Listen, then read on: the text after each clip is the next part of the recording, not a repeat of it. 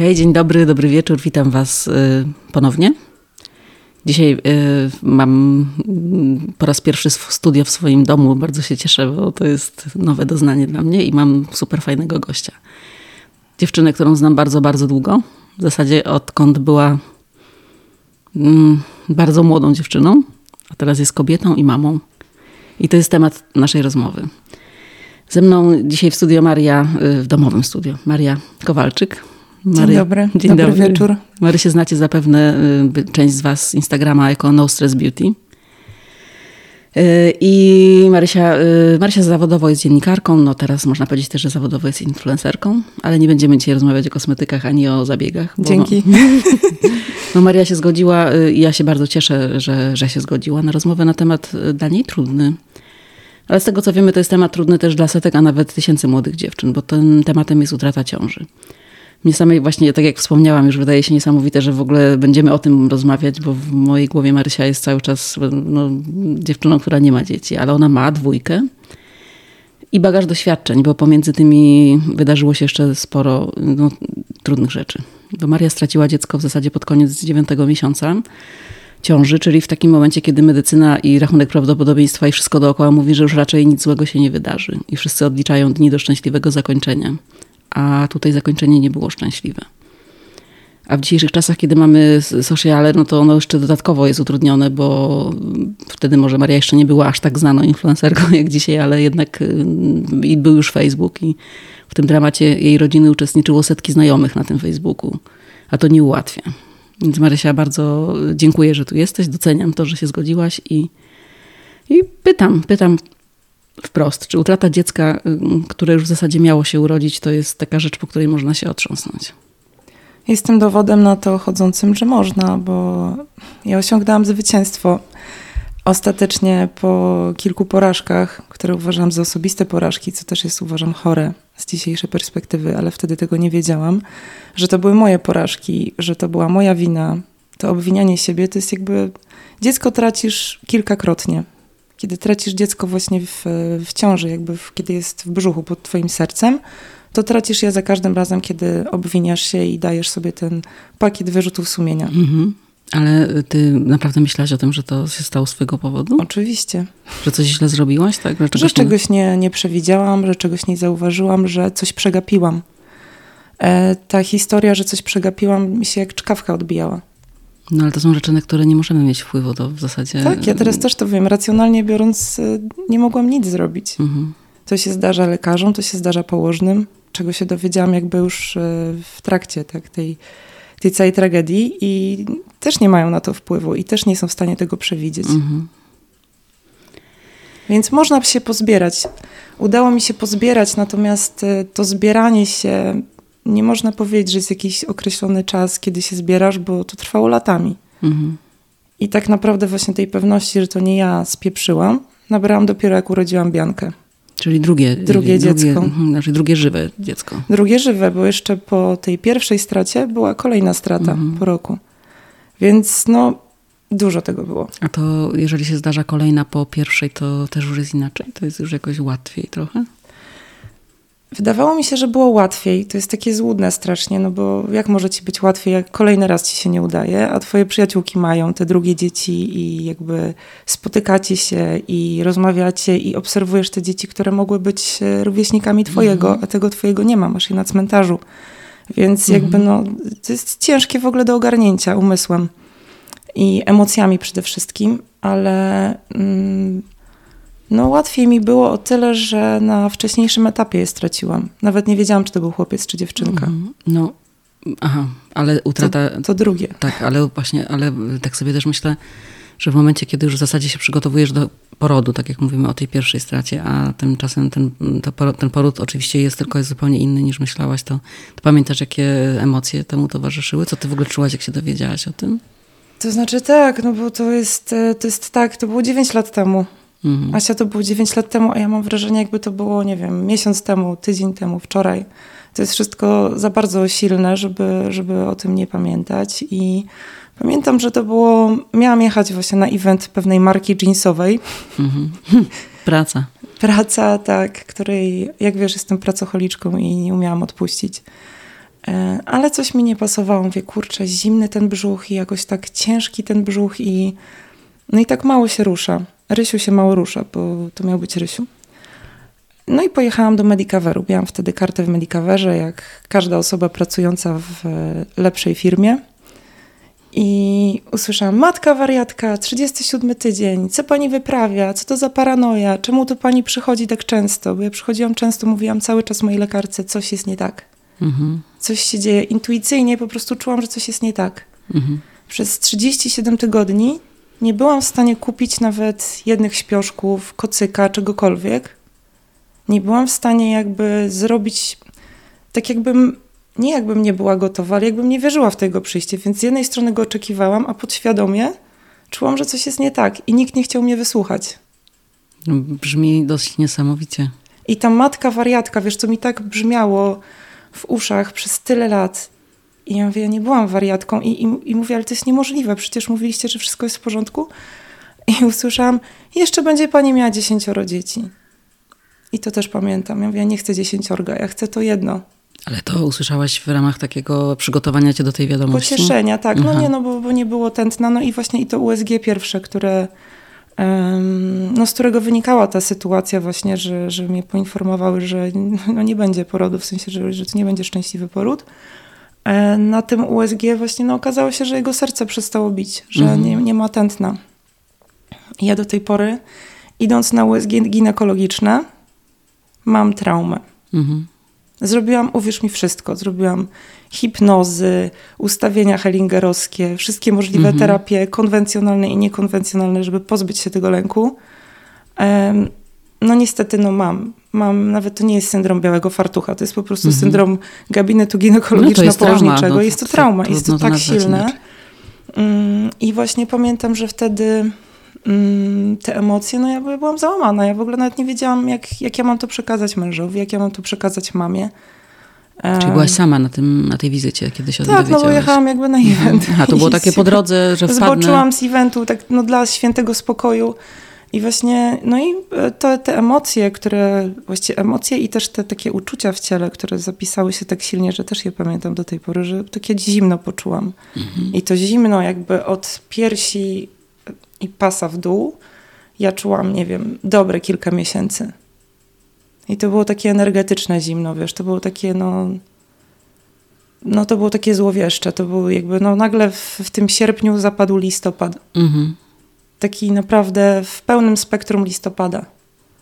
I, no i, i, więc pamiętam oczywiście, że pamiętam jeszcze zachowanie salowej, która oczywiście nie była przygotowana. To był szpital na Solcu, który już wtedy wyglądał jak ruina. Nie wiem, czy jeszcze jest Nie byłam. Dopuszczony do użytku. No te 9 lat temu to już była taka ruina naprawdę jak z horroru.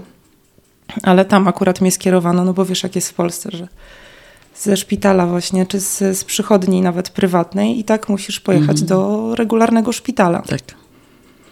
I, I tam się dowiedziałam od salowej, co to za dziwny poród, łóżeczko kazali przynieść, ale nie ma żadnych śpioszków, nie ma niczego i ja myślałam wtedy, że ja po prostu ją rozszarpię. Mhm. Jakby ja tylko na tej salowej miałam ochotę się wyżyć, która była Bogu ducha winna. No wiadomo, ale to wiesz, no to, to świadczy też o tym, że w ogóle nie, że personel, no nikt nie jest przygotowany, znaczy nie ma, nie wiem, oni nie wiedzą też co zrobić, ale nawet to, że nie była poinformowana o tym, że Nie to była jednak... poinformowana i jeszcze to jest, to jest ciekawe, słuchaj, że ja byłam e, sama w pokoju na samym końcu szpitala. Mhm. Ja mogłam tam wyskoczyć przez okno, zresztą miałam takie pomysły miałam różne pomysły i nie tylko wtedy, nie tylko tego dnia. Mm, I byłam tam sama. Oczywiście mój mąż przyjechał jak najszybciej tylko mógł i e, no i po kolei jakoś tak e, pojawiali się członkowie rodziny, bo ktoś też musiał ogarnąć mojego mhm. małego synka, małego synka mhm. który nie miał jeszcze wtedy dwóch lat, miał rok i osiem miesięcy i nie chodził do żłobka, no ktoś musiał się nim zaopiekować jakby z tą całą wiadomością, z tym całym właśnie E, całym spektrum emocji i no, nie było wyjścia. Trzeba było jakoś to wszystko dograć, -hmm. zastanowić się, co dalej. Musiałam zadzwonić do redakcji, przekazać to. Um, Bo jesteś naprawdę pracocholiczką, jak mówisz o tym, że to była jedna z twoich też pierwszych myśli w takiej sytuacji, Tak, prawda? ale też to było na takiej zasadzie, kurczę, oni wszyscy się będą pytali, co się stało, przecież jeszcze wczoraj -hmm. To znaczy, jeszcze wczoraj nie widzieliśmy cię z brzuchem, bo to, to nie było tak, bo ja już wtedy byłam na zwolnieniu, ponieważ miałam też takie przebłyski w ciąży, że coś jest nie tak i wylądowałam raz już w tym szpitalu. Mhm. Moje serce przestało normalnie pracować, więc y, miałam. Coś było nie tak, ale mhm. oczywiście wtedy wszystkie badania świadczyły o tym, że wszystko jest w porządku i nawet wtedy się do mnie uśmiechnął na USG i to jest ostatni obraz synka, który pamiętam do dziś. I tak go chciałam sobie zapamiętać, bo mhm. to jest jedyne pozytywne wydarzenie. Nie, jest jeszcze drugie pozytywne wydarzenie w tym szpitalu. Usiadłam mm, na łóżku właśnie pani doktor, nie położna, nie pielęgniarka, no nie salowa. E, pani doktor mnie złapała za rękę, czego się nie spodziewałam, taki anioł. Mhm. I mówi mi, że to samo spotkało jej siostrę. I mówi, wyobraź sobie, że ja, ginekolożka, położniczka, z wieloletnim doświadczeniem, nawet nie mogłam mojej siostry uratować. Też w 37 tygodniu, też chłopiec. Mhm. I też jakby ta sama historia. To ci pomogło, że mm, taką dawkę empatii od niej dostałaś? Od lekarki? Bardzo mi to pomogło. To było jakby no, największa, no mówię, ten cały Medicover, ta cała prywatna przychodnia, to był koszmar. To była taka znieczulica, jakby tam, nie wiem, jakby te kobiety nie były kobietami, jakby one nie miały w ogóle grama współczucia. To nie chodzi o przytulanie. Nie, no to jest, wiesz, to jest sytuacja w ogóle tak graniczna i tak wyjątkowa z psychologicznego punktu widzenia, że też o to cię chciałam zapytać, czy jakąś pomoc psychologiczną dostaliście, czy ty, czy, czy twoja rodzina też, czy o to zabiegaliście, czy to jest standardem w szpitalu, no ale już z tego, co opowiadasz i z sposobu, jak się do mnie uśmiechasz teraz, to już mogę sobie wyobrazić mniej więcej, jak to wyglądało. Podeszła do, do łóżka e, drugiego dnia, bo pierwszego dnia wywoływali ten poród, bo oczywiście... Mm, to od razu tam trafiłaś z tego medicoveru? To było tak Tak, tak, za, ciosem, tak? zawiozła tak? mnie karetka. To znaczy, znaczy, ja nie pamiętam jakby już trasy tą karetką, no ale tam podłączyli mnie pod jakieś aparatury, nie wiem, pod coś. Chyba mi tlenu dali, bo być może było mi słabo. Nie, nie wiem, naprawdę jakoś to wymazałam, tą, ten transport. Jeszcze oczywiście było w Izbie Przyjęć 100 pytań do... No ale to, to już naprawdę jest nieważne, mhm. bo już jest ci wszystko jedno i usłyszałam też tam właśnie na tej Izbie Przyjęć, no takiej historii jak pani, no to co, no to jest normalne. Przynajmniej jedna w miesiącu, jak, a jak tam, nie wiem, nie 100 w roku. No, ale to ma ci pomóc? I, I, właściwie no nie wiesz, co masz z tą informacją zrobić, bo ona jest kompletnie zbędna i naprawdę nie prowadzisz statystyk, żeby mhm. ani dziennika pokładowego. E, aczkolwiek mówiłyśmy o pomocy psychologicznej. Mm, przyszła do mnie pani psycholog i absolutnie nie chcę urażać e, no, na wczesnym etapie pani psycholog czy panów psychologów, natomiast ta pani miała naprawdę zerowe doświadczenie. Wygląda jakby wczoraj wyszła ze szkoły mhm. i tak też się zachowywała. I ona, no oprócz tego, że, że mnie wysłuchała, mówi, no ciężki przypadek, ciężki, tak, no ale to zapraszam panią, pani przyjdzie do mojej poradni, ona jest tutaj jakieś tam 50 metrów ze szpita od szpitala. Jak już pani wyjdzie, tak, jak już panią wypiszą, no bo ten poród i to wszystko, no to też jakby wymagało um, kilku dni, żeby tam mhm. spędzić w, w tym miejscu uroczym. Mm, I nie pamiętam, jak ona się nazywała, ale na pewno gdzieś to mam w papierach bo ta osoba zasługuje na naprawdę wyjątkowe wyróżnienie, ponieważ jedną z jej porad było, żebym poszła, i teraz przepraszam za cytat, napierdolić się z przyjaciółkami na miasto, mhm. odreagować. To była porada psychologiczna e, pani psycholog szpitalnej. I ja nie bardzo wiedziałam, co ja mam z tym zrobić, i stwierdziłam, że bo przysługiwały mi od NFZ-u chyba 5 czy 10 wizyt w, jakby w pakiecie, tak? U tej pani doktor, tak? U tej pani, mhm. tak. I ja zrobiłam te wszystkie wizyty, bo stwierdziłam, że no skorzystam z tego, co mhm. mi dają. No ale tak naprawdę prawdziwą pomoc psychologiczną dostałam i psychiatryczną, idąc prywatnie. Mhm. Czyli jest to znowu jakby. Są równi i równiejsi. Osoba, która może sobie na to pozwolić finansowo, ma to wsparcie, a osoba, mhm. która nie może sobie pozwolić, słyszy, że ma iść na miasto i się upić z przyjaciółkami. No, że to wszystko brzmi dosyć e, jak horror. Mm, no, trudno to sobie wyobrazić, że tego typu porady i, i też taka znieczulica, to co powiedziałaś, że leżałaś na końcu e, korytarza sama w pokoju. Nikt Mogło się naprawdę pies wszystko. z kulawą nogą nie podchodził. Autentycznie. Z jednej strony potrzebujesz ciszy, bo potrzebujesz w ogóle to wszystko jakoś nawet sobie ułożyć w głowie i, i zrozumieć, że no, z twoich piersi zaraz zacznie tryskać pokarm i ale tego dziecka nie będzie. Nie będziesz miała kogo mhm. karmić. I że Ja jeszcze miałam największy problem, że ja nie przytulę, po prostu, że jak ja przytulę Teodora, Teolinka wtedy. Czyli co, swojego syna, starszego synka. Co ja mu powiem? Mhm. I że we mnie jest taki smutek i ten smutek we mnie był tak głęboko, że ja na początku się bałam w ogóle podchodzić do własnego dziecka, że ja go tym smutkiem zarażę, mhm. albo że będzie pamiętał tą mamę w mhm. traumie. No, pewnie tak, no bo to są rzeczy, których się nie wymarzy. Te dzieci są w tym krajobrazie tego smutku. One rzeczywiście inaczej do tego podchodzą, bo one mają inny poziom rozumienia sytuacji, percepcji. Też biorą tylko tyle, ile mogą, więc też może te nasze lęki są trochę na wyrost, ale wiadomo, że się, że się o to też martwimy.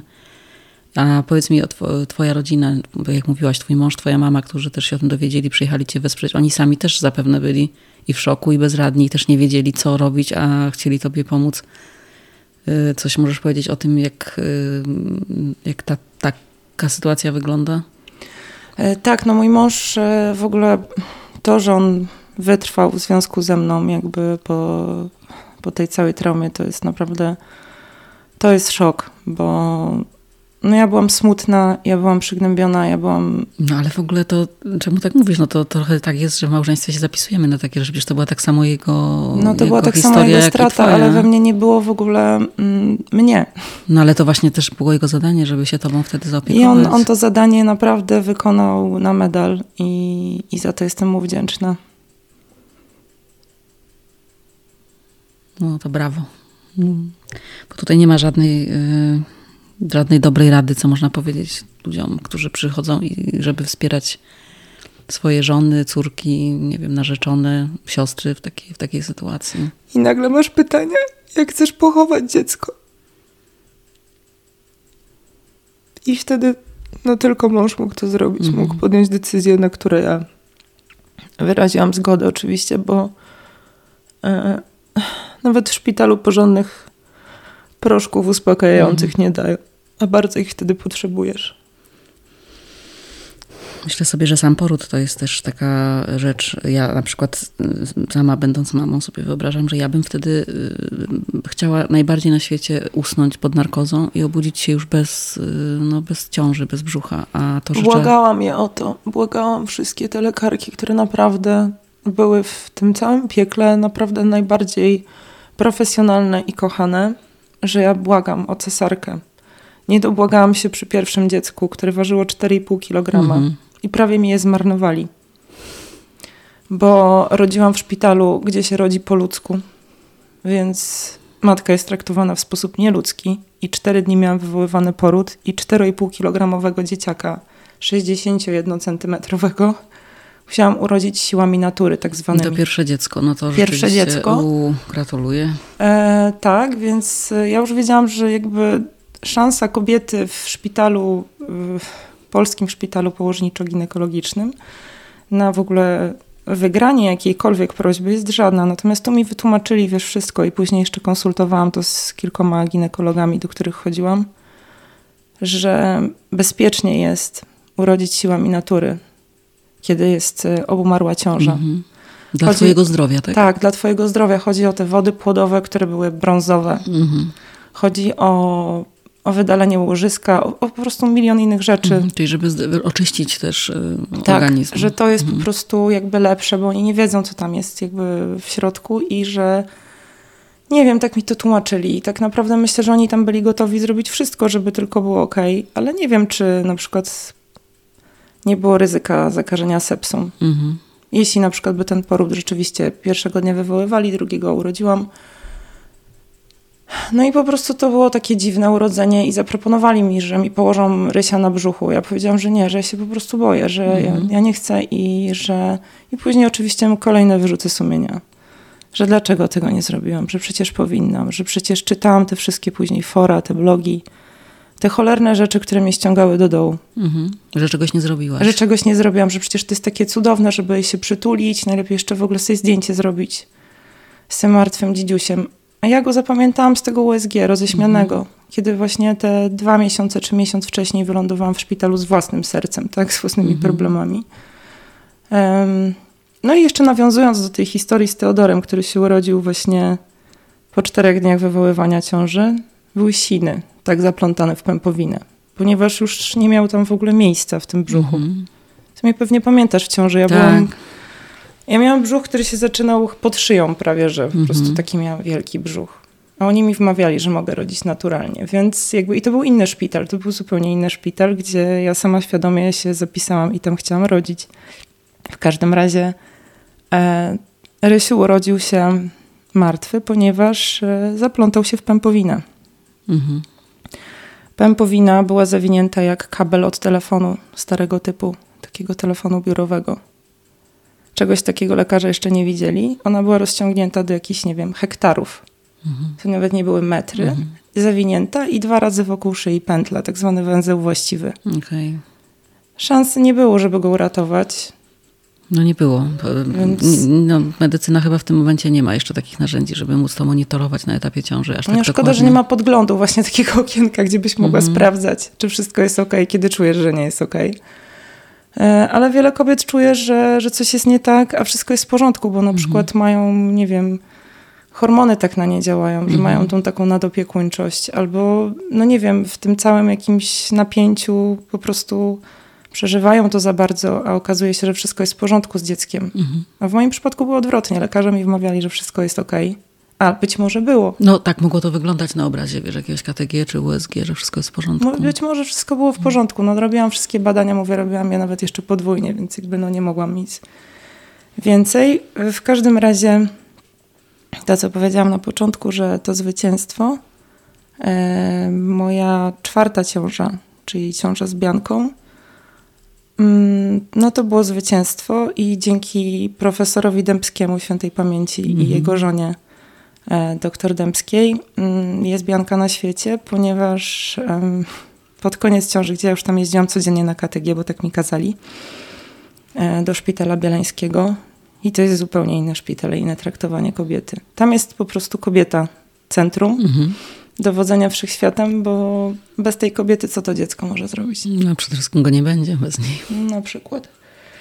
I doktor Dębska powiedziała do swojego męża, i pamiętam to, jak postawiłam o granicę, ona urodzi dziś lub jutro, nie pozwolę jej na dłuższą mękę. Mhm. I, a miałam termin na za 9 dni, bo miałam rodzić Wigilię. I 14 grudnia położyła mnie do, do rodzenia. Przygotowała mnie, tam miałam jakiś balonik, coś tam miałam na przyspieszenie, jakieś leki. Urodziłam Biankę bardzo wcześnie rano, w dwie godziny. Mhm. I jak ją urodziłam, podeszła do mnie doktor Dębska, chwyciła mnie za rękę i mówi, nie chciałam ci nic mówić. Też była zaplątana w pępowinę. Mhm. I ja wtedy, Asia, myślałam, że po prostu, no nie wiem, raz, że miałam ochotę ją ukochać, a dwa, że miałam ochotę wrzasnąć, że dlaczego? Jakby, że to kolejna taka sytuacja, wiesz, że wszystkie moje dzieci były zawinięte i jakby, no gdyby ona nie, nie zareagowała wcześniej, byłaby powtórka z Mhm. rozrywki, być może. No ale tutaj z tego, co mówisz, to totalny profesjonalizm, bo nie dość, że podjęła wszystkie właściwe decyzje, to jeszcze cię też ochroniła przed stresem, nie mówiąc ci o tym wcześniej. Więc da się, da się być lekarzem i człowiekiem jednocześnie. Mhm. Da się być kobietą, która e, urodziła sama dzieci, więc ma empatię w stosunku do kobiety, która no, widziała mnie w tym stresie. Ja codziennie tam byłam. E, codziennie na tym KTG jeszcze miałam cukrzycę ciążową, więc na przykład jak przyjeżdżałam do, do szpitala, musiałam w wyznaczonych godzinach sprawdzać poziom Mhm. glikemii i zjadać posiłki. No i jak przyjeżdżałam tramwajem do tego szpitala bielańskiego, to Bianka szła spać Mhm. i nie ruszała się na KTG. I trauma powracała. No. Więc tak naprawdę to jest, to jest bardzo trudna i długa droga i wyboista i nie wolno oceniać kobiet, które na przykład nie decydują się już na kolejne próby. No właśnie o to chciałam cię zapytać, kiedy po takich stratach, bo w zasadzie dwie pod rząd u ciebie nastąpiły, Tak. bo urodzenie martwego rysia i później jeszcze utrata, poronienie we wczesnej ciąży, tak? No 12 lub 15 tydzień, nikt No. nie jest w stanie określić. No, no to już wiadomo, że to, to są już myśli, że, że będzie kolejne dziecko po prostu. No i po takich stratach, kiedy się pojawia myśl o tym, żeby znowu próbować, żeby jednak mieć kolejne dzieci? Jeszcze ważną rzecz właśnie chciałam a propos tego drugiego poronienia powiedzieć i to myślę, że będzie wprowadzenie do tego, kiedy jest ta gotowość. Że to, co zapytałeś, czy łatwiej jest już za drugim razem mm, przy tym drugim poronieniu. Ja tam pełniłam rolę na tej sali z płaczącymi kobietami takiego wspieracza psychologa trochę, podchodziłam do każdej. Dlatego, że już y, to bo, przeszłaś, tak? Bo Już miałaś to doświadczenie. one tam leżały same Mhm. lub ze swoimi partnerami, ale raczej same. I to było całe piętro też w ohydnym szpitalu, po prostu z koszmaru, ale jeszcze innym. Em, nikt do nich nie podchodził, tylko podchodziły panie właśnie z Mhm. papierami, pytając w jaki sposób będzie dziecko pogrzebane. Mhm. I po jakby rozmiarze brzucha wiedziałam, na którym są etapie Mhm. i mogłam sobie porównać ich smutek z moim i widziałam ten smutek. Widziałam jakby siebie sprzed roku e, w tych kobietach. Mhm. E, Jedną bardzo wspierałam, bo to była nastolatka, która w ogóle, której nie, nie chciano pozwolić na aborcję, a dziecko nie miało wykształconej główki. Mhm. Po prostu było no, dzieckiem, które nie miało szans na przeżycie, ale pochodziła z małej miejscowości i na późniejszym etapie ciąży, czyli w 20 tygodniu wylądowała właśnie w tym Mhm. szpitalu i musieli jej jakoś pomóc. Nie, nie wiem, nie wnikam w to, jaki on, w jaki sposób ona to, to dziecko urodziła, czy, czy to było cesarskie cięcie, czy, czy to były jakieś tabletki. Natomiast ja trzymałam tą, tą dziewczynę właśnie za rękę i byłam obok niej, bo, bo ona nie miała nikogo przy sobie. A może też pamiętałaś, to, jaką siłę ci dało to wtedy to, że Tak. tam ta lekarka z tobą usiadła i cię wzięła za rękę i powiedziała te słowa, które ci pomogły. I to w ogóle też pokazuje, jaką niesamowitą moc ma takie kobiece wsparcie, tego, ta wspólnota doświadczeń też. Że... Tak, ale właśnie nie na zasadzie, wiesz, ja miałam gorzej, bo w Mhm. ogóle to nie... No tutaj wiesz, tutaj nie można mieć gorzej, to wszyscy mają tak Wszyscy samo, mają tak samo gorzej. koszmarnie. No. Wszyscy mają jakby ten sam koszmar, więc jakby po tym doświadczeniu ja poczułam się raczej wzmocniona, Mhm. taka... Mm, bo zobaczyłam, bo wtedy ja nie widziałam żadnej kobiety, która straciła dziecko, natomiast dużo historii usłyszałam, których chciałabym nigdy nie usłyszeć, ale życzliwe osoby i myślę, że one naprawdę były życzliwe, chciały mnie w ten sposób wesprzeć, żeby powiedzieć Marysia, nie jesteś sama. Mhm. I to, to, to było trudnie, trudne słuchać tych historii dla ciebie? Trudne to było, no bo na, na etapie, kiedy jesteś tak naprawdę ogołocona z, z tych hormonów Mhm. ciążowych i jesteś po prostu w takich emocjach, że sama nie wiesz, gdzie się w ogóle jak się podziać. I nagle ci ktoś jeszcze wrzuca, no wiesz, no, no moja znajoma rodziła dziecko w kawałkach. No to Mhm. czy naprawdę to jest potrzebne? To nie jest potrzebne. To znaczy to nic nie wnosi jakby w, w świat takiej kobiety, Na pewno nie która... pocieszy i w ogóle no, to, to, to, też jest dosyć makabryczne i jakoś może potęgować jeszcze tę traumę czy stres. Śni ci się to później, musisz to później przerabiać na terapii, musisz później Mhm. robić z tym porządek, bo. Ale oczywiście Marysia miała świetny pomysł, że ona napisze książkę, to Mhm. znaczy ja. Marysia, ty. Marysia ja, że Marysia napisze książkę o tych traumach wszystkich kobiet, że ja po prostu, ja czułam po prostu misję. Że Że ja wysłuchasz mam tych misję opowieści. do spełnienia. Mhm. I ja w tej misji czułam się fantastycznie, bo ja jestem typem ratowniczki, więc ja uratuję świat. Uratuję wszystkich dookoła, a na końcu przypomnę sobie, że jestem ja. No tutaj to jest historia już o czymś zupełnie innym. Tak, no ale ale o właśnie... tobie, nie o, nie o ciążach, Tak, nie tak, o tak, dzieciach. tak, ale właśnie no, ta ratowniczka się we mnie obudziła, ale też taka, takie przekonanie, że pomimo tej, tego smutku i tych dwóch strat, em, no ja chcę spróbować. I spróbowałam chyba po pół roku od tej drugiej straty. Oczywiście konsultując z lekarzami, Mhm. czy już jest gotowość. No oni powiedzieli, no nigdy nie będziesz bardziej ani mniej gotowa. Mhm. Medycznie przeciwwskazań nie ma żadnych. Jeśli to jest trzeci miesiąc ciąży, to tak naprawdę możesz próbować bardzo szybko. E, więc, e, więc spróbowałam, no i, no i się udało. Tak jest. Happy end. Jest Bianka. E, za dwa tygodnie kończy 7 lat. No, piękny wiek. Piękny wiek, więc można, tylko że mówię, to ocenianie, że ktoś na przykład nie chce spróbować, no to jest naprawdę bardzo indywidualne. Czy w ogóle tutaj w, tej, w tym obszarze nie ma miejsca na żadne ocenianie? W ogóle, tak jak psychologia powiedziałaby, że w zasadzie trzeba tego unikać w, w każdym, ale to oczywiście wiemy, że nie jest możliwe. Ale no, trudno mi sobie to wszystko wyobrazić, wiesz, jak opowiadasz, chociaż wydaje mi się, że mam jakieś pokłady empatii, to w ogóle już czuję te ścierki na plecach, jakbym była w tym szpitalu i, i to widziała. A chciałam cię zapytać też o to, o czym wspomniałaś wcześniej, że położna cię, czy tam pielęgniarka pytała, jak będzie wyglądał pogrzeb. To jest rzecz, która wszystkich ciekawi, więc wybacz, że o to zapytam, ale jak wygląda pogrzeb? Ty byłaś w stanie pójść na niego? To, to jest jakoś szybko po wyjściu ze szpitala? Nie pamiętam po jakim czasie to było. Ym, Natomiast no ja oczywiście ym, musiałam podpisać papiery, że zgadzam się na sekcję zwłok, no bo Mhm. chciałam się dowiedzieć, Zresztą chyba w ogóle jest taka procedura w szpitalu, a może nie jest. Tego już też nie jestem w stanie spamiętać, że, że zgodziliśmy się na sekcję zwłok e, Rysia. I, no i chcieliśmy go skremować, tak? To była nasza mhm. wspólna decyzja. I, no i pogrzeb wygląda tak, że dostajesz, mm, dostajesz pieniądze chyba z ZUS-u, czy mhm. z jakiejś instytucji tam, gdzie łożymy nasze ciężko mhm. zarobione pieniądze i na co odkładamy nasze podatki. I no i to naprawdę jest takie minimum. Ja wiem, że na pogrzeb dorosłej osoby to jest chyba za mało, ale ten nasz pogrzeb był mocno minimalistyczny. Mhm.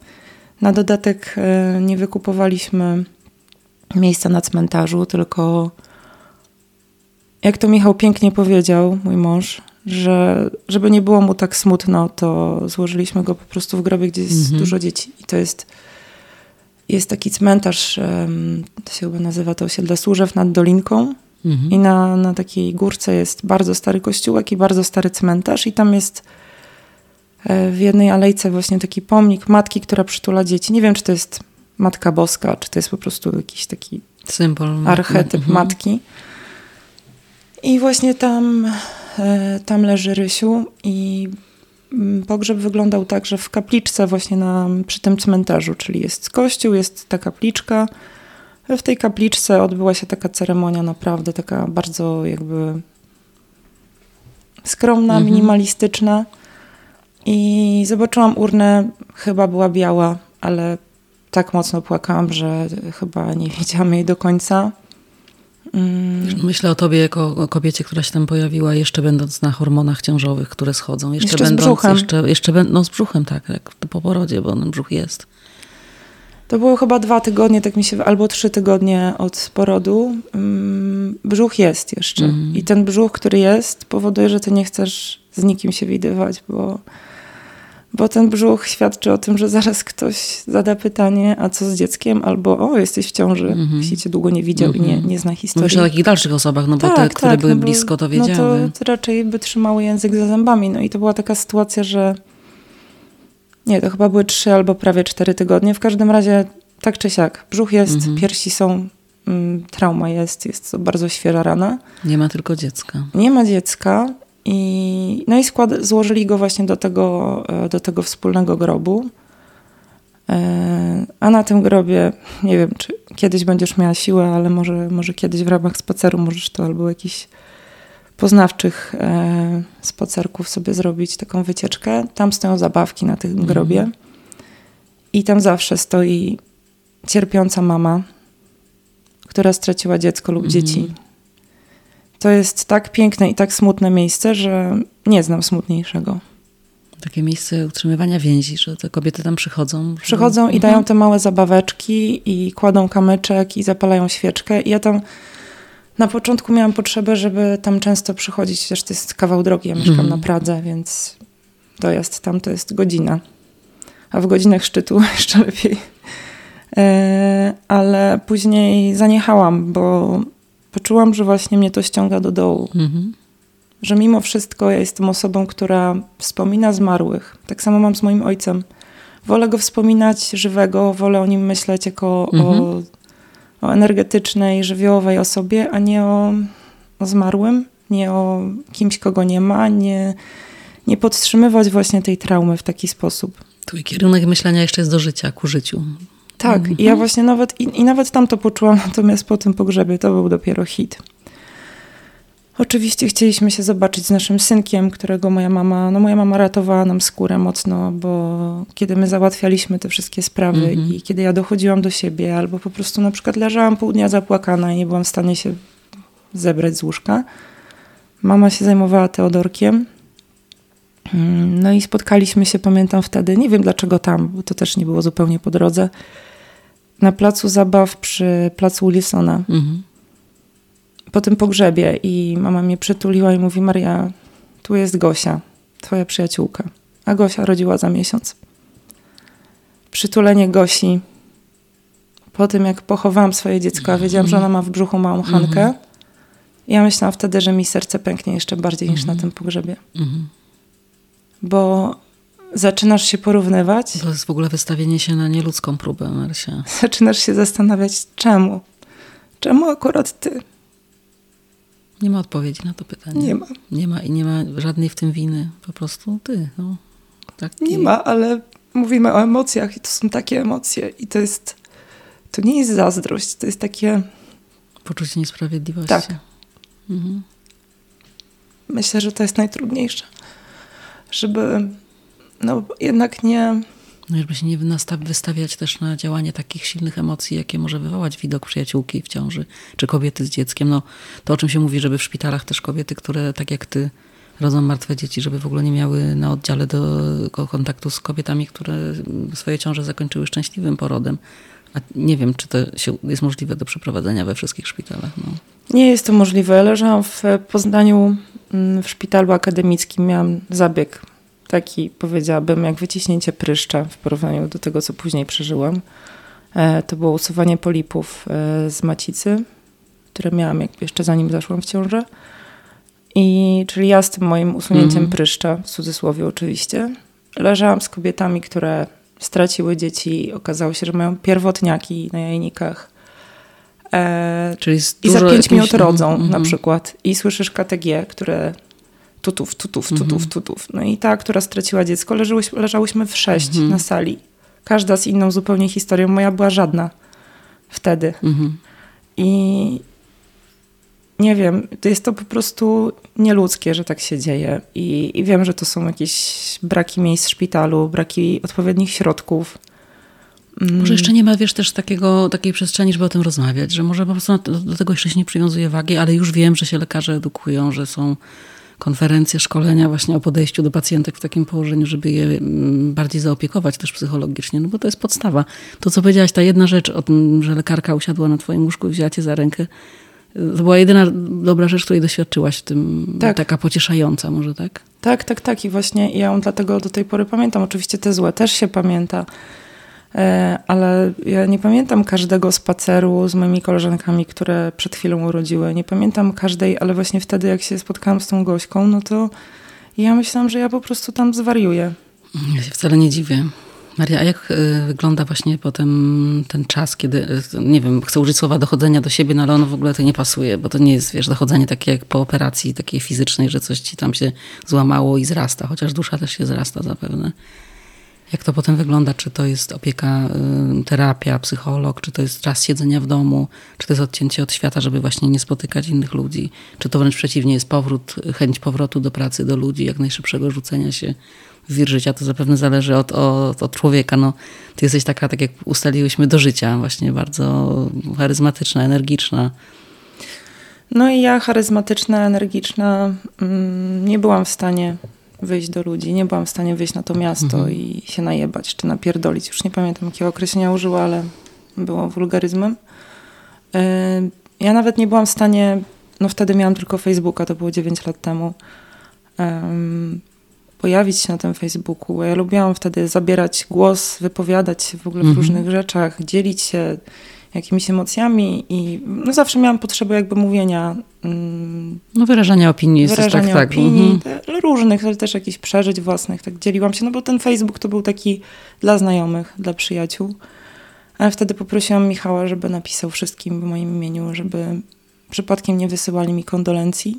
To po pierwsze. Po drugie, żeby nie kontaktowali się ze mną. Jeśli mają potrzebę, niech się kontaktują z Michałem, z moją siostrą, która przyleciała z Londynu natychmiast.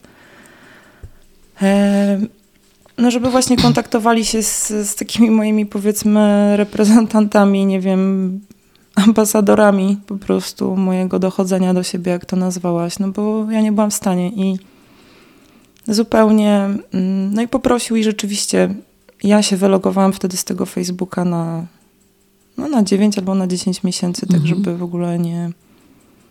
Ale z życia też się wylogowałaś? Z jakiej pomocy korzystałaś? Chodziłaś na jakieś spotkania? Chodziłam na terapię indywidualną, mm, która, za którą oczywiście płaciłam z własnej kieszeni, bo tak jak ci mówiłam, miałam chyba 5 czy 10 e, tych terapii u pani od wyjścia na miasto, więc jakby nie chciałam dłużej e, mhm. korzystać z jej usług. E, chodziłam do psychiatry, ponieważ musiałam mieć zwolnienie psychiatryczne.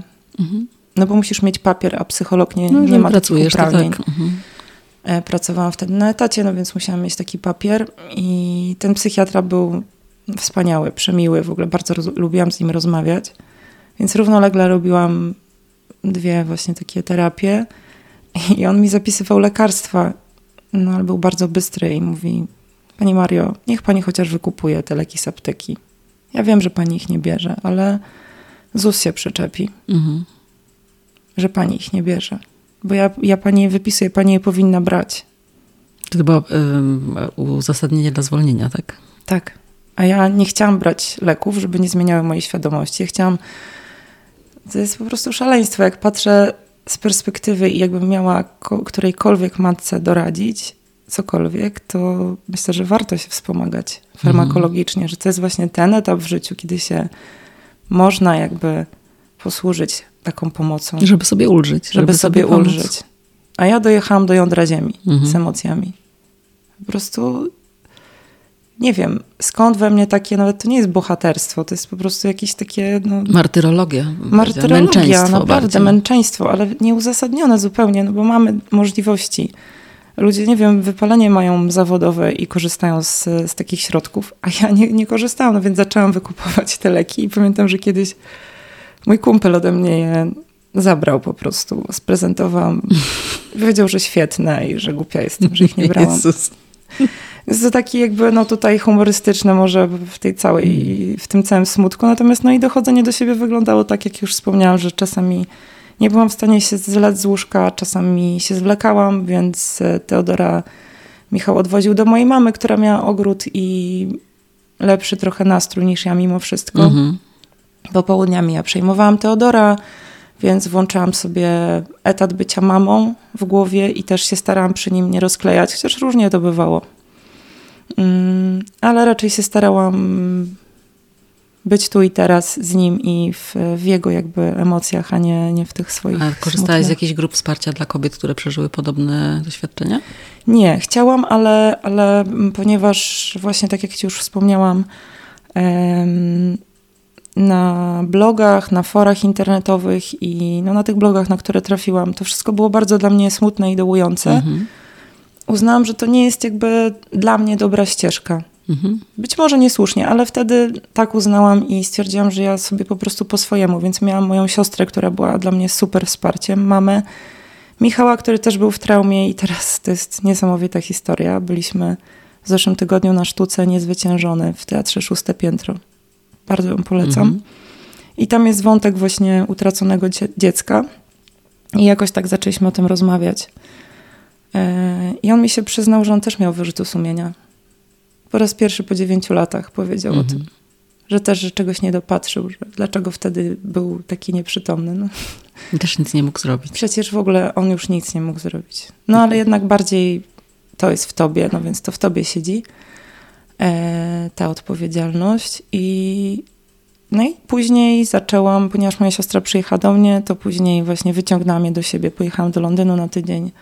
Zaczęłam ćwiczyć jogę, ale taką w pierdol jogę, bym powiedziała raczej. Czyli znowu, żeby sobie dowalić, widzisz, coś jest Maria na rzeczy. Nie, no żeby, wiesz co, raczej żeby wyżyć się, żeby jakby, mhm. bo też po, tej, po tym smutku, mhm. po takiej tej pierwszej fazie żałoby przyszła złość. No to jest bardzo naturalne i dla żałoby też to uczucie. I z tą złością też trzeba coś zrobić. To znaczy, no nie wiem, każdy sobie radzi, jak sobie radzi. E, ja, która lubię pić wino, nie chciałam się upijać winem, mhm. bo to nie jest rozwiązanie.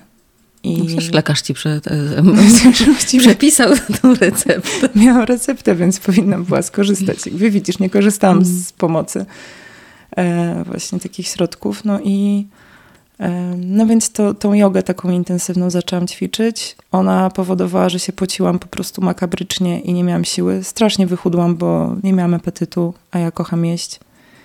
No i tak trochę się zapadłam w sobie. Mm. I robiłam jeszcze coś, co było autoagresją E, o czym nikt nie wiedział wtedy. Później się przyznałam kiedyś, nie wiem, przy jakiś, pewnie, pewnie przy jakimś kieliszku lub kilku wina, że pod prysznicem, kiedy sobie robiłam peeling brzucha, mhm. ja się tłukłam pięściami po tym brzuchu.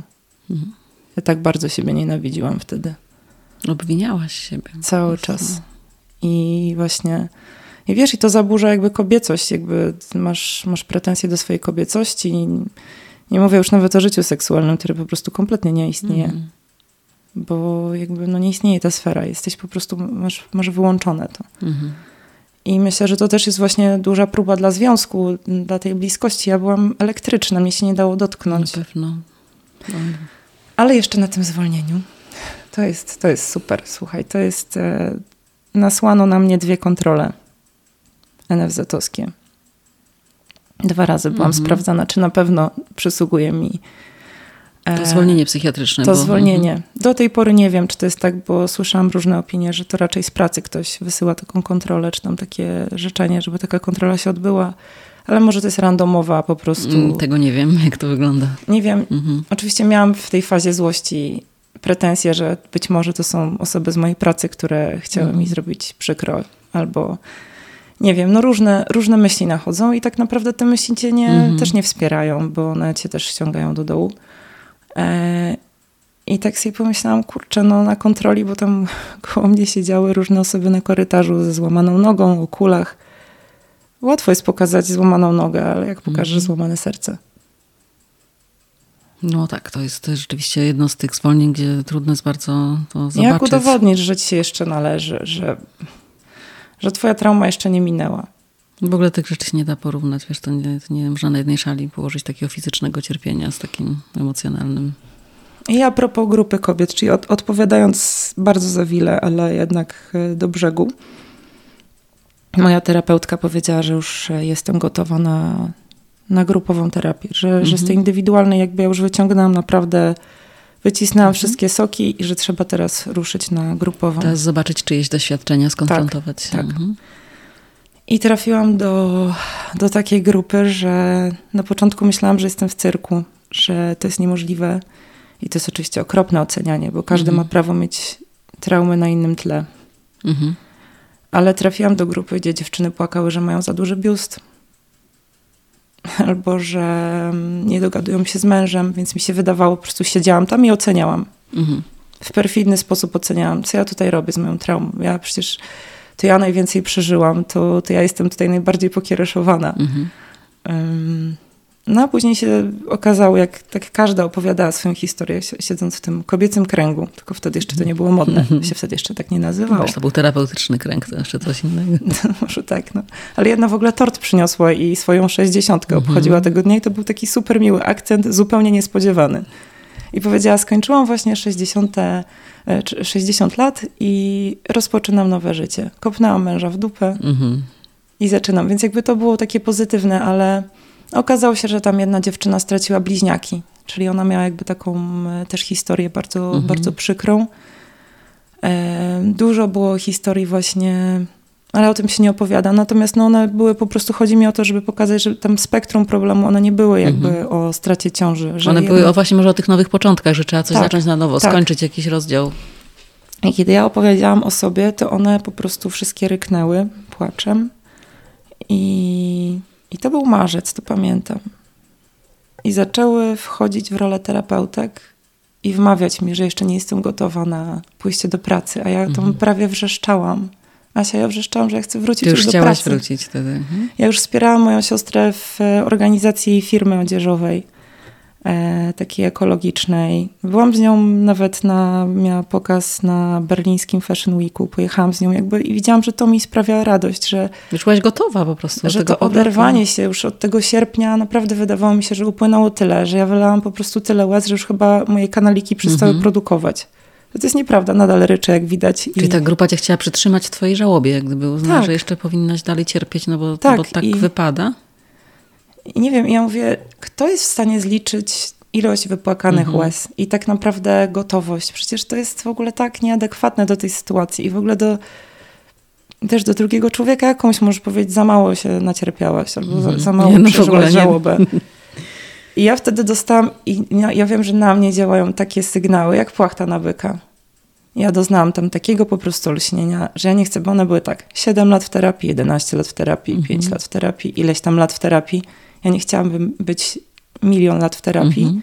Tylko ja chciałam już po prostu żyć. Już zamknąć ten rozdział i pójść do życia. No to jest tak. to, co mówi Marta Niedźwiecka, że po to jest terapia, żeby to zrobić i zamknąć te drzwi, zapomnieć i wrócić do życia. Tak, i, i oczywiście idealnie. jakby możesz wrócić na terapię z jakimś innym problemem, możesz wrócić z mhm. kolejną mhm. rzeczą, możesz tak naprawdę no, mieć tak, taką osobę, do mhm. której dzwonisz, czy piszesz, czy z którą rozmawiasz, się spotykasz i ona cię wspiera, nawet za pieniądze. Czemu nie? To jest jakby mhm. wszystko jest dla ludzi ale nie być permanentnie w terapii i tak naprawdę być e, jakby emocjonalną inwalidką, która nie podejmie żadnej edy mhm. edycji, żadnej decyzji bez właśnie tego terapeuty. Więc ja się zbuntowałam, powiedziałam mojej pani Małgosi, że ja dziękuję już bardzo, że ja czuję w sobie taką gotowość. Mhm. I wracasz że ja wracam i ja właśnie idę do pracy i ja chcę wrócić, tylko że wiedziałam, że ja nie chcę wrócić już do redakcji, mhm. z której ja straciłam dziecko.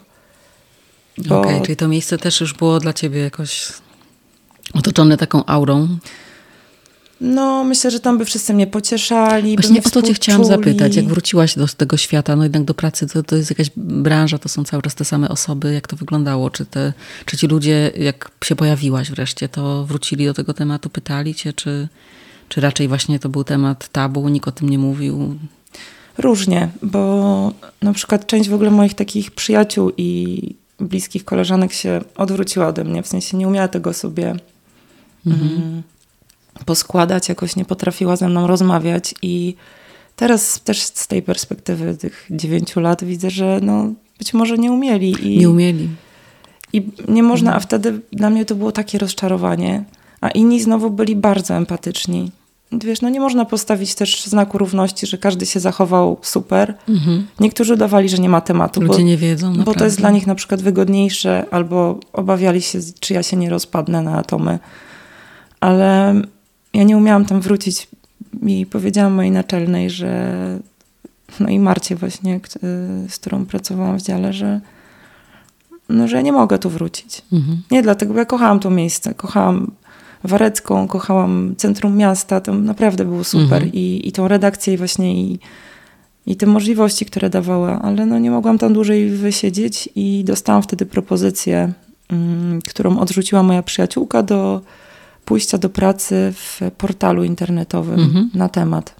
I to był męski świat, to było coś zupełnie innego. To było bardzo mi potrzebne, czyli to, co mogę powiedzieć, tak jako taką, nie wiem, taki tip, wskazówkę, że fajnie jest na przykład zmienić coś wtedy. Mhm. Niekoniecznie to będzie ci się podobać w dłuższej perspektywie, ale ten moment właśnie, że zmieniasz, że to jest coś nowego, jest bardzo potrzebny.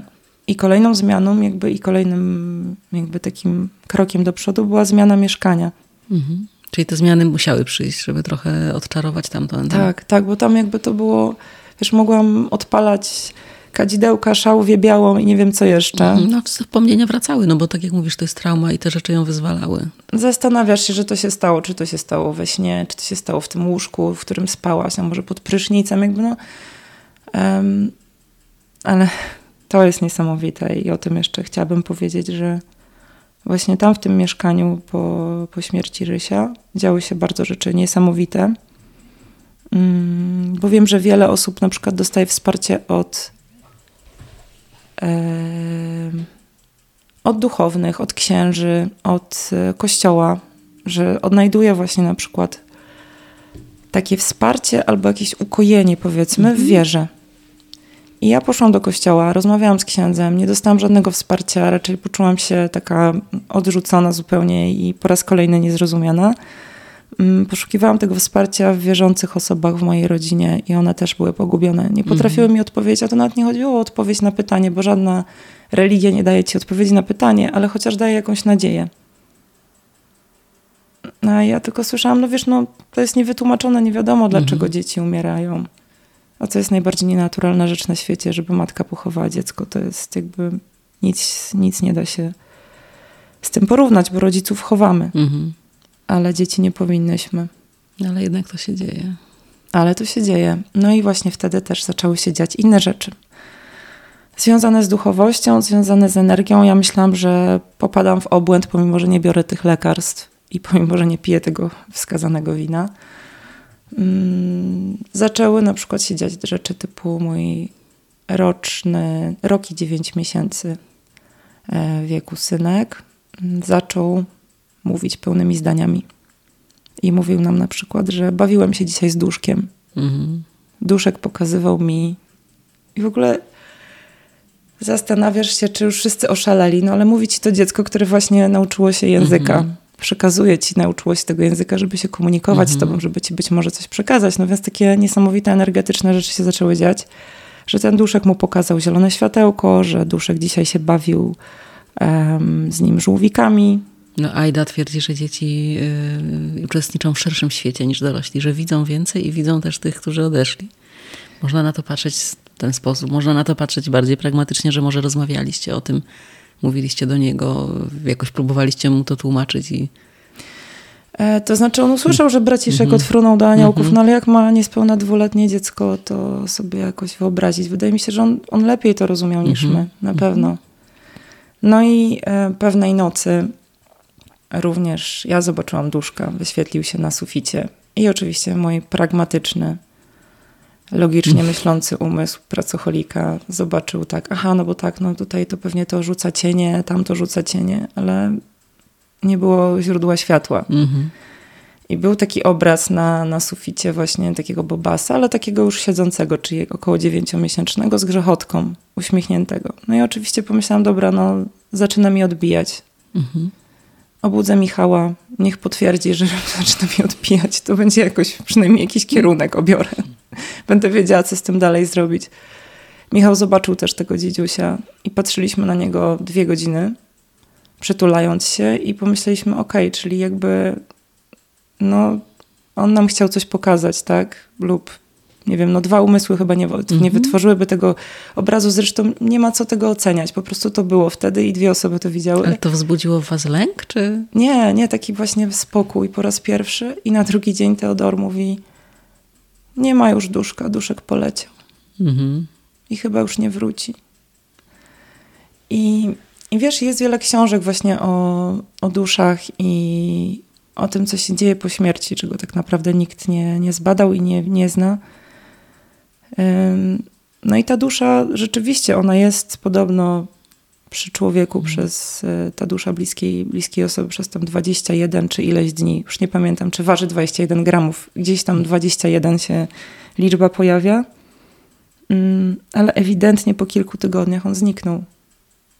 No. Chyba w okolicach pogrzebu. Być może. Być może w tym momencie to jakoś mhm. E, tak łączę ale on nam wtedy o tym powiedział i to było niesamowite.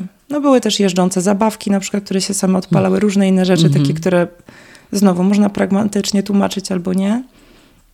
Więc ja chciałam trochę zmienić otoczenie, żeby wyjść z tego już. -hmm, żeby domknąć tam ten Tak, czas. tak, żeby to już tam zostało. I ja pamiętam te obrazy bardzo pozytywnie. Znaczy kilka razy się tych zabawek jeżdżących przestraszyłam, no bo miałam małego chłopca w domu, więc były mm. pojazdy przeróżne. No i one się same odpalały. Jak na przykład byłam pod prysznicem, wychodzę i coś jedzie na mnie w moim kierunku.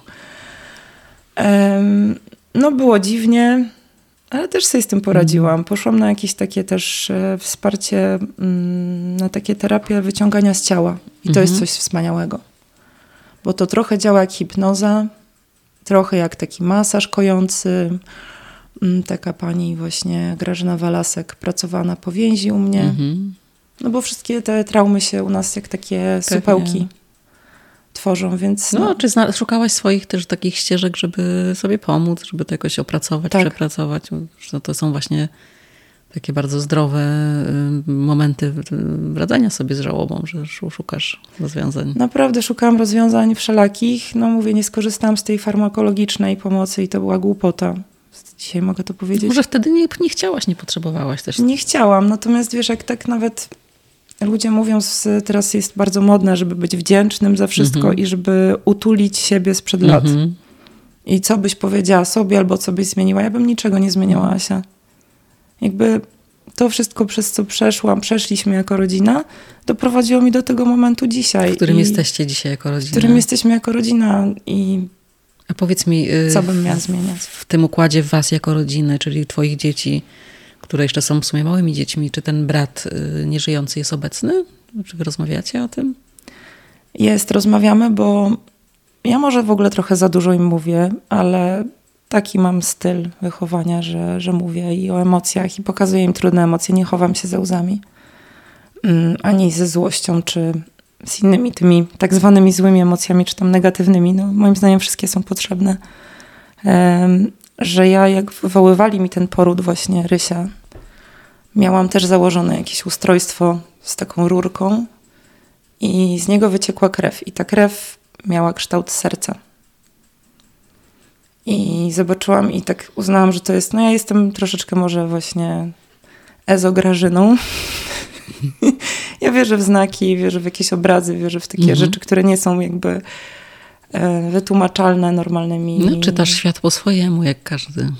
No tak, no więc jakby mój świat jest trochę też szerszy. Może nie jak świat dziecka, ale, ale jest troszeczkę, jakby widzę go troszeczkę szerzej. I te serca się zaczęły pojawiać jakby no bardzo często. I dla mnie za każdym razem to była taka przesyłka właśnie od Rysia, jego pozdrowienia. Czy to była chmura, czy to był kamień w kształcie serca, czy nie wiem, coś się na talerzu ułożyło. Mm -hmm. I dzieciom tak się to wryło w pamięć, że nawet Bianka ostatnio, jak byliśmy na wakacjach, mówi, mamo, zobacz, serduszko na piasku, to dla ciebie, Rysiu, przesyłam. No, pięknie. Ale poprosili mnie sami, że oni nie chcą chodzić na, na cmentarz, że to jest bardzo przykre. -hmm. I na tym cmentarzu, bo oni są no, bardzo empatyczni, wysoko wrażliwi. Bianka jest wysoko wrażliwa. Mm, ona mówi, że jest przykro na tym cmentarzu mm -hmm. i ona nie rozumie, dlaczego nie ma braciszka. Mm -hmm. Chociaż jej w tym nie było, to Teodor może... No to są opowieści, to jest też ta tak. więź w zasadzie, to jest tylko dowód na to, że ta więź naprawdę jest możliwa z osobą, która już nie żyje bo to my ją kształtujemy, my ją utrzymujemy. U ciebie, tak jak mówisz, to w zasadzie cała rodzina, to twoje dzieci też w tym uczestniczą. No nie wyobrażam sobie, żeby tego nie było, żeby mówić e, tylko o tych rzeczach pozytywnych, mhm. i bo wiele kobiet na przykład przez lata nie mówi swoim dzieciom, że miały jakieś poronienie. Mhm. Dzieci nie wiedzą, dlaczego tak. są jedynakami. Tak. Albo dlaczego jest taka różnica wieku. Mhm. No, różnie bywa. Czasami jest mhm. różnica wieku, bo, bo tak wyszło, ale też w pewnym pokoleniu chyba o tym się może mniej mówiło. Teraz już jest też inaczej, że, że, że z dziećmi się rozmawia więcej, bardziej szczerze o różnych rzeczach. Nie Myślę, oszczędza tak. się im tego, tak bym powiedziała, bo to był ten model taki, że oszczędzało się dzieciakom mówienia o wszystkim, co smutne, no ale tak jak mówisz, no może to, to, to, to było smutne, jest smutne, ale to jest część też waszego życia. No nie da się tego wymazać. Nie da się tego wymazać. Tak jak za mnie się nie da tego wymazać i tak jak są dni, kiedy jest mi smutno, ale są dni, kiedy myślę, że no właśnie, tak jak już wspomniałam, no dzięki temu jestem no takim człowiekiem, jakim jestem i mhm. być może trochę za dużo, za ciężki był ten mój plecaczek przysłowiowy, ale no widocznie taki mam do niesienia mhm. i każdy ma swój i nie można też powiedzieć, że czyjś jest za lekki, bo nie mamy pojęcia, co dana osoba nie, nosi. Nie, nie, nie możemy zajrzeć do cudzego plecaka. To jest piękna konkluzja w sumie dla tej rozmowy. Marysia, zawsze na koniec jeszcze y, pytam moich rozmówców o jakieś y, o, o polecenia książkowe, muzyczne. Czy ty chciałabyś też coś jeszcze dorzucić tutaj do, do tego, o czym rozmawiałyśmy? Ja chciałam wspomnieć właśnie, że miałam koncept książki. Mhm. Mm, czy ciąża musi być jak wojna, bo mój lekarz prowadzący mm, ciążę z Bianką właśnie miał takie powiedzenie, że ciąża jest jak wojna, nigdy nie znasz wyniku. I jak mecz, można też powiedzieć. Mnie to przerażało w ogóle, to było straszne, to określenie. Wie, panie doktorze, mm -hmm. niech pan powie coś pozytywnego, niech pan jakieś takie... Mm -hmm. Więc jakby, no i ta książka, e, cztery wydawnictwa ją odrzuciły, więc nie ma tej książki, ale nadal jest gdzieś tam w mojej głowie. Być może kiedyś powstanie, a być może wydam e-booka. No właśnie, to to jest, słuchaj, jakiś pomysł, o którym myśl. Bo, bo to jest coś, co mogłoby, myślę, no, no jeśli nawet jednej osobie, tak o tej rozmowie też mm. myślałam, e, na którą mnie zaprosiłaś, że jeśli nawet jednej osobie to pomoże, albo chociaż jednej osobie się to wyda jakieś, nie wiem, wartościowe, to, to warto. Tak, ja mam takie samo y, przekonanie i dlatego też to robię. Myślę, że jeżeli no, chociaż super. jednej osobie, a mam nadzieję, że dużo więcej to będzie osób, którym taka rozmowa na przykład też przyniesie ulgę i pomoże. Ale z książek jeszcze, mhm. to jest wspaniałe, co robisz w ogóle, ale to już jakby mogę powiedzieć offline. z książek myślę, że bardzo fajna. I pomimo, że hejtowana również, doceniana i mhm. hejtowana, mhm. jest y, książka Czuła Przewodniczka. Mhm. Ponieważ ona mi na przykład pokazała ścieżkę, przez którą ja przeszłam. Nieświadoma byłam mhm. tego, nie, nie umiałam tego nazywać, że mam typ właśnie bycia ratowniczką, czy właśnie męczennicą, czy mhm. już nie pamiętam tych określeń. Miksem wszystkich miksem typów wszystkich, no, tak naprawdę. Każda z nas trochę jest miksem, mhm. ale właśnie, że tam wychodzą takie i to jest bardzo wspierające właśnie i, i ta Natalia de Barbo chyba? De Barbara. Którą tak, serdecznie tak. pozdrawiamy, bo ja też uważam, że ta książka zrobiła mnóstwo dobrego To jest fenomenalna kobiet. robota, bo naprawdę to jest e, wspierające, ale wiele osób irytuje ta książka, mhm. ponieważ być może dostrzegają w sobie rzeczy, których wolałaby nie dostrzegać. A dla mnie to jest takie światło i bardzo fajna pozycja. I, a ostatnio zaczęłam czytać coś wspaniałego. Któreś wydawnictwo mi przysłało do przeczytania. Mhm. Nazywa się Ziarno Granatu. Mhm. I to jest współczesna interpretacja mitologii greckiej, napisana przez wspaniałe pisarki i poetki polskie. Tak, to wydawnictwo Agora zapewne wysłało. Być może. Ja i moja pamięć widzisz do nazwisk i do to jest mitologia napisana na nowo przez młode polskie pisarki, poetki, tak? wspaniała, tak? Mhm. Wspaniała. I właśnie tam na przykład historia Demeter i Kory. Mhm. Ja pomyślałam, że to jest w ogóle moja historia, to znaczy no, jakby no, nie narodziła się Persefona na szczęście, ale jednak, że, e, że właśnie jak, jak u tej Demeter zapadła ta żałoba, że ona przestała, jakby ziemia przestała przynosić plony, bo mhm. zapadł właśnie ten listopad, o którym wspomniałam, ona zatrzymała deszcz, ziemia przestała być płodna, no to u mnie jakby moje życie tak wyglądało właśnie wtedy i ale że jednak ta siła, która jest w kobietach, mm, ona jest w ogóle nie do przecenienia. To jest coś wspaniałego. Mhm. Że my się zbieramy, że my później znowu jesteśmy płodne, my znowu jesteśmy i kreatywne, i wspierające, i my potrafimy być właśnie z tego czasu zamrożenia, takiego zimowania, zawsze w końcu przychodzi wiosna i, I rozkwit. coś rozkwita i idziemy do przodu. Hmm, a ja od siebie dzisiaj krótko. Mam przepiękną muzyczną przesyłkę dla wszystkich kobiet, które doświadczyły w życiu czegoś równie trudnego, aby mogły usiąść i popłakać. Jest to utwór Pije Jezu z rekwiem francuskiego kompozytora Gabriela Fauré, żyjącego na przełomie chyba XIX i XX wieku. Posłuchajcie go koniecznie w wykonaniu arcygenialnego Filipa Żarowskiego. To jest taki francuski kontratenor. Kontratenor y, to jest taki męski głos, który brzmi jak kobiecy sopran. Nie ma w tym nic w sumie zabawnego ani niemęskiego. Jest po prostu bardzo wysoki, ale jakiś niebiański, niesamowity. Takim głosem śpiewał też słynny Farinelli. Ten utwór to jest chyba jeden z najpiękniejszych, jakie powstały na świecie. Przechodzą od niego ciarki, łzy puszczają się bez opamiętania. Jest taki kojący, pełen światła, przejmujący totalnie. To się panu Fore naprawdę udało. Posłuchajcie. Maria, no to jest też piękne, co powiedziałem. Co mogę powiedzieć? Oprócz tego, że w ogóle y, niezwykle mi się z Tobą rozmawiało na ten temat, bo takiej Cię nie znałam i to naprawdę, nie wiem, jakieś bardzo ciepłe pokłady emocji we mnie wyzwoliła ta rozmowa. Myślę, że nie była jakaś bardzo smutna. Bardzo doceniam, że się zgodziłaś przyjść i że chciałaś w ogóle opowiedzieć o tym, co jest trudne. Tak.